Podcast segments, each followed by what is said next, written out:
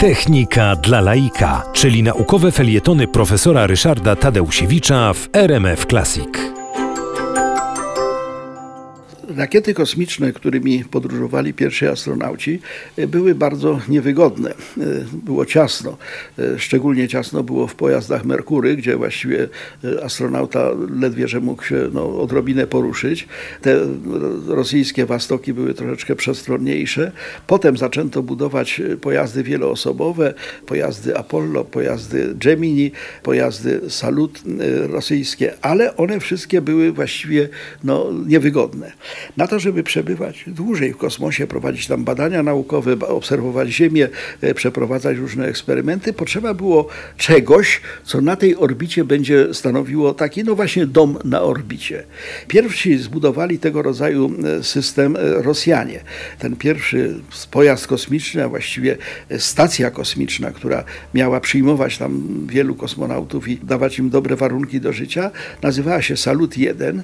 Miała rozmiary 16 na 4 metry, 19 ton ważyła, miała 28 metrów kwadratowych baterii słonecznych. E, I co ciekawe, ja tą stację zwiedzałem.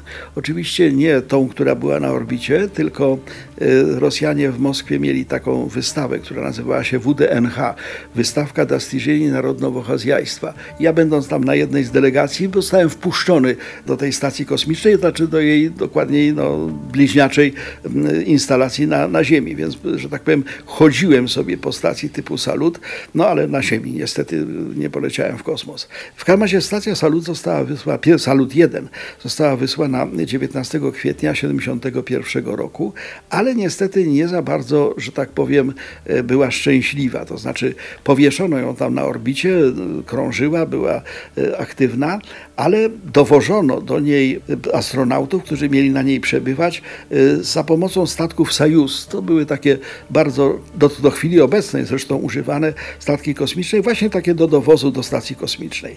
Pierwszy doleciał do stacji Salut Sajut 10, zakcumował tam 22 kwietnia 71 roku, ale okazało się, że przejście, które było z tego Saluta do, do, do tej stacji, no nie zadziałało, coś się tam zacięło. E, Okazało się, że e, astronauci no, zapukali do drzwi i nie zostali wpuszczeni, po prostu musieli wrócić. Drugi statek kosmiczny, Sojus 11, e, podszedł do, do tej stacji kosmicznej, do tego domu na orbicie. Udało się tam wejść 6 czerwca 71 roku i na tej stacji kosmicznej załoga, trzyosobowa załoga, no, spędziła 23 dni. Natomiast zdarzyła się rzecz fatalna, mianowicie statki Sojus, które były bardzo bezpieczne i są bezpieczne do dnia dzisiejszego, e, zawiódł e, raz jeden właśnie wtedy, jak wracała ta trójka astronautów e, z stacji Salut. Mianowicie podczas powrotu nastąpiło rozhermetyzowanie tego, tego statku Sojus, no i oni zginęli. Zginęli głównie dlatego, że no, Rosjanie byli już tak pewni siebie, że oni po prostu sobie latali w garniturach, nie, nie zakładali ko- skafandrów kosmicznych. No jak się to rozhermetyzowało, niestety zginęli.